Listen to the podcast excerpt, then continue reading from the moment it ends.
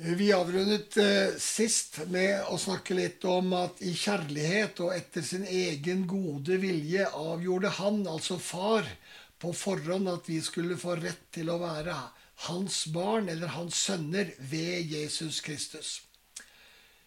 Det er veldig lett å, og når du leser eh, Det nye testamentet, og særlig mange av disse skriftene her, og eh, jeg leser litt, jeg, sier litt hvordan min åpenbaring var, og hvordan min åpenbaring er blitt. For her er det veldig lett å tenke at, eh, at, eh, at, at, det er, at det er Kristus' gode vilje som på forhånd avgjorde at vi skulle få rett til å være hans barn. Men det er far som avgjør det. Det er far som etter sin gode vilje Han avgjorde på forhånd at vi skulle få være hans barn, altså fars barn. Eh, for, for, for, Kristus er jo sønn, og vi skulle få være sønner, akkurat som han, Kristus, er sønn. Og dette avgjorde altså Gud, vår far, etter sin gode vilje, står det. Og det er ganske fint skrevet, oversatt, etter sin gode vilje. For det er ikke bare at eh, Gud liksom vil det, men, men, det er noe han virkelig vil. Og vi skal se det at når vi kommer til dette ordet 'verk', at vi er hans verk, så skal vi se at det, det greske ordet betyr like gjerne at vi er hans poesi. Altså vi er, vi er noe, noe, vakkert som han har skapt. Og det kommer også fram her. Det får Paulus fram etter sin egen gode vilje. Altså fordi det virkelig var noe Gud ville. Og eh, det var noe han planla.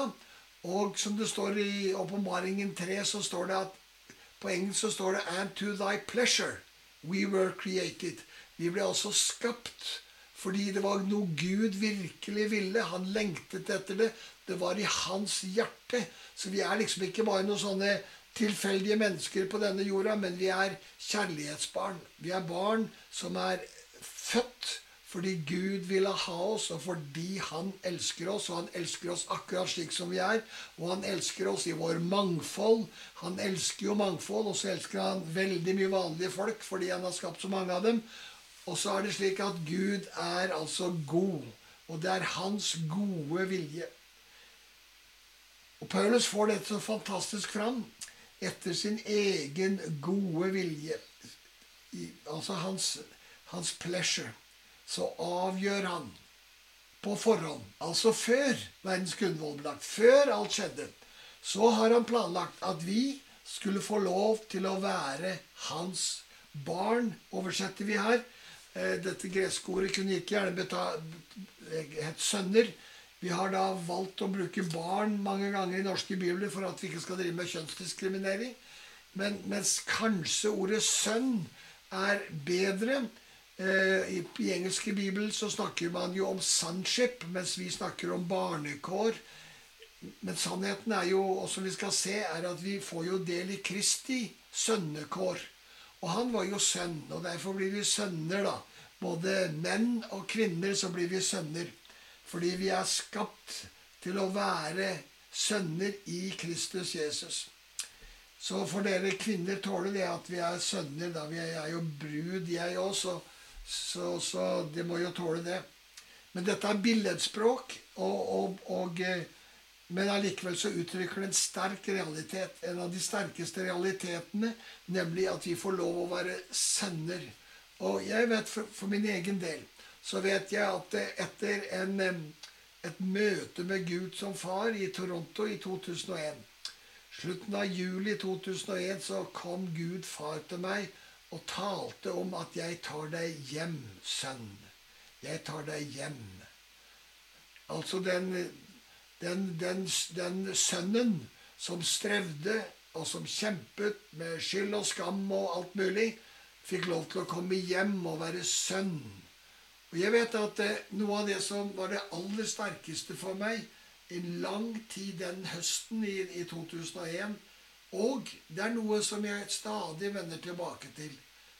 Hvor jeg i en måned eller to stort sett i mitt bønneliv var så overveldet over å få lov å være sønn av Gud far at jeg gikk i skogen, og så kunne jeg si takk, far. Takk, far, at jeg får være din sønn. For det var helt overveldende for meg, og det forvandlet livet mitt. Fordi jeg forsto at jeg trengte ikke å streve. Jeg trengte ikke å, gjø å gjøre all verdens gjerninger for at det skulle bli bra. Fordi Gud var fornøyd med meg slik som jeg var, fordi jeg var hans sønn. Jeg kom altså inn i den, dette som hebreerbrevet Hebrevbrevet snakker om, å komme inn i en sabbatshvile.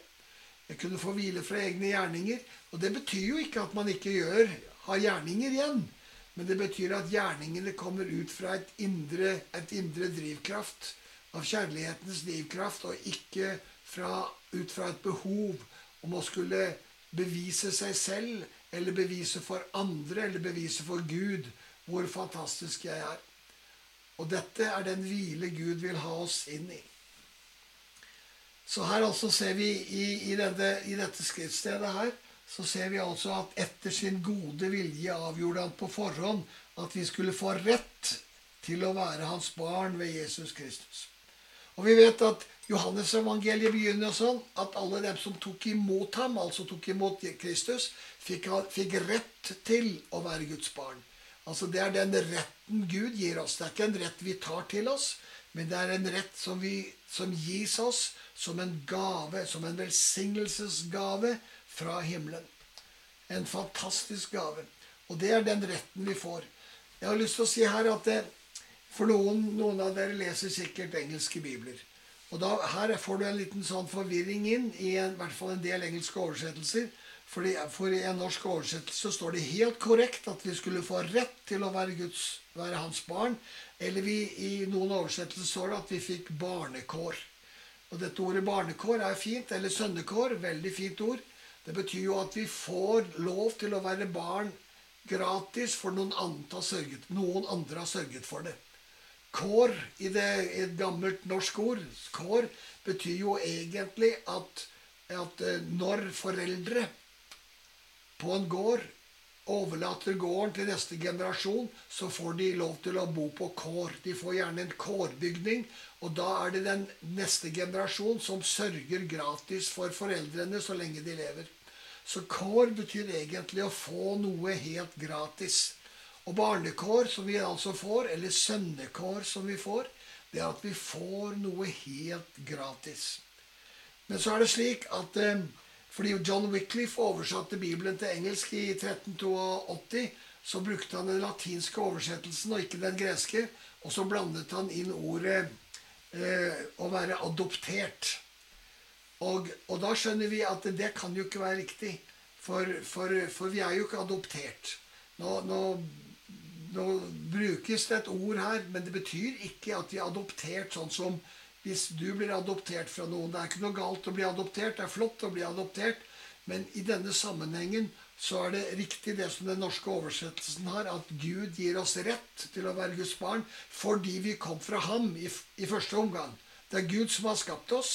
Og når vi blir frelst i Kristus Jesus, så blir han vår far igjen, som han hele tiden har vært.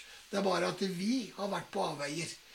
Før vi kommer hjem og blir født på ny og frelst, så har vi vært på avveier. Men, vi, og, men vi er like fullt, like fullt så anerkjenner Gud at han er vår skaper, og han elsker oss. Og så når vi tar imot Kristus, så kommer vi inn i folden igjen. Så kommer vi inn i det vi egentlig var ment å ha hele tida. Og dermed så er vi ikke adoptert. Vi kommer ikke fra et annet sted. Vi kommer fra Han. For som Paulus allerede har sagt her i vers 4, før verdens grunnvoll ble lagt, var vi utvalgt i Kristus. Altså med andre ord vi som var sønner og døtre før verdens grunnvoll ble lagt, men som kan ha rota oss bort. Og så kommer vi hjem til Gud gjennom Kristus Jesus. Ja, så blir vi ikke adoptert inn.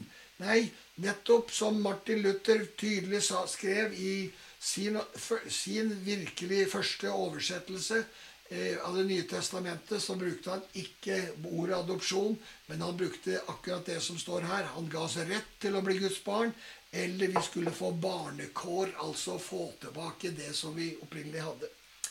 Dette jeg bare, nevner jeg bare fordi så mange leser engelske bibler, og så finner du dette i engelske bibler, dette ordet adopsjon, som forvirrer. Og da må du bare hoppe over det Og så går du tilbake til en norsk eller en svenske eller en danske eller en tyske eller hvilken som helst bibel, nesten.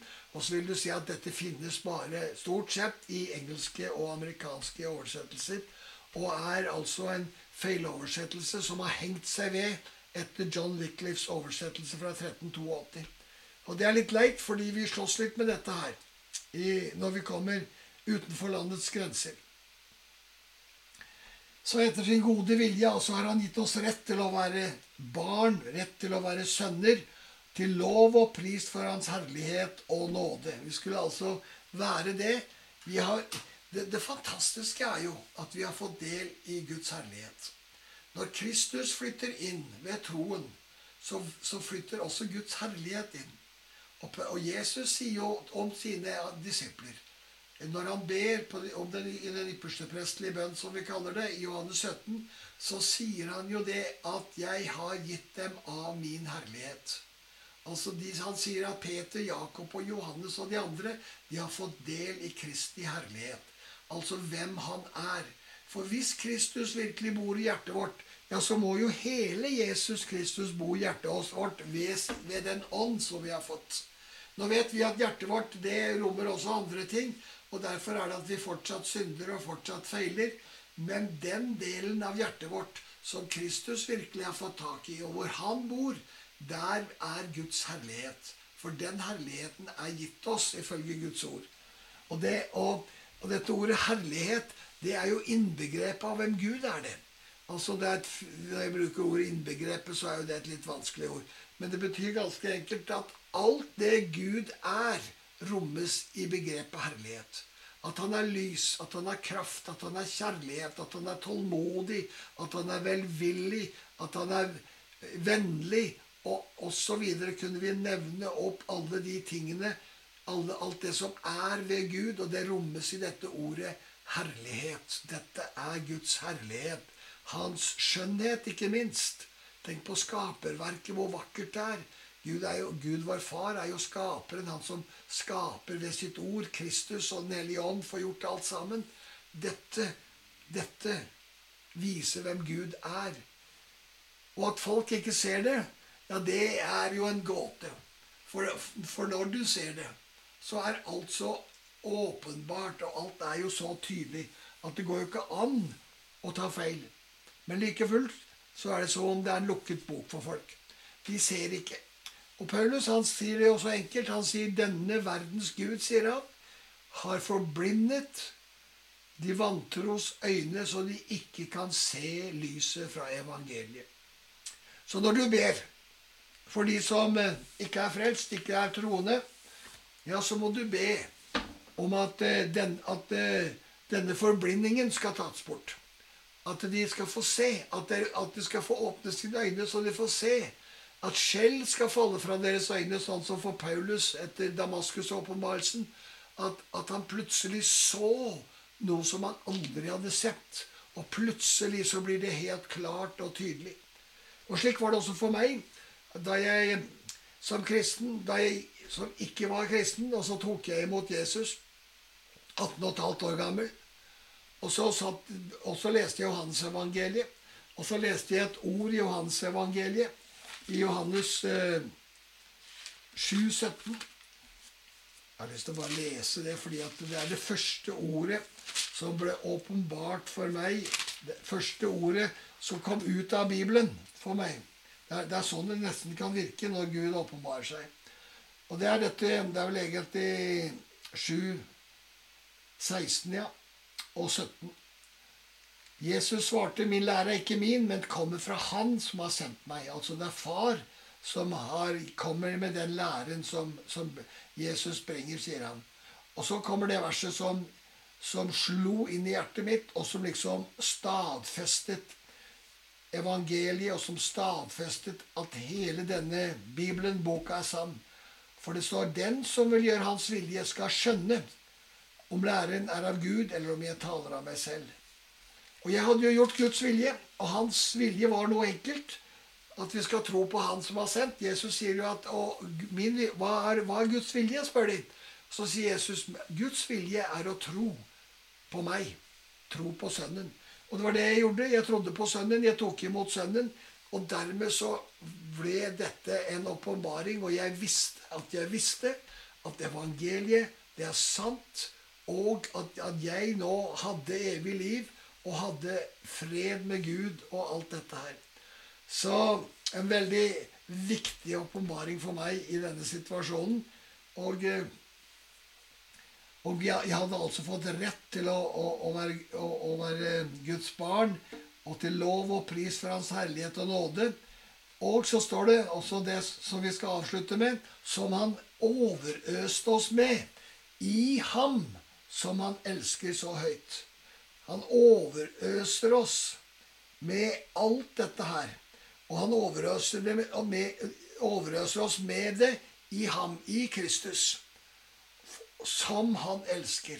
Hvem er, hvem er, det som elsker Kristus? Jo, det er far som elsker Kristus så høyt. Han har du vet, det er, det, er, det er hemmeligheten med selve guddommen. Det er jo at Gud er far, han er sønn, og han er hellig ånd. Og siden Gud er kjærlighet, så er det far som elsker sønnen, og sønnen elsker far. Og far elsker ånden, og ånden elsker sønnen, og ånden elsker far.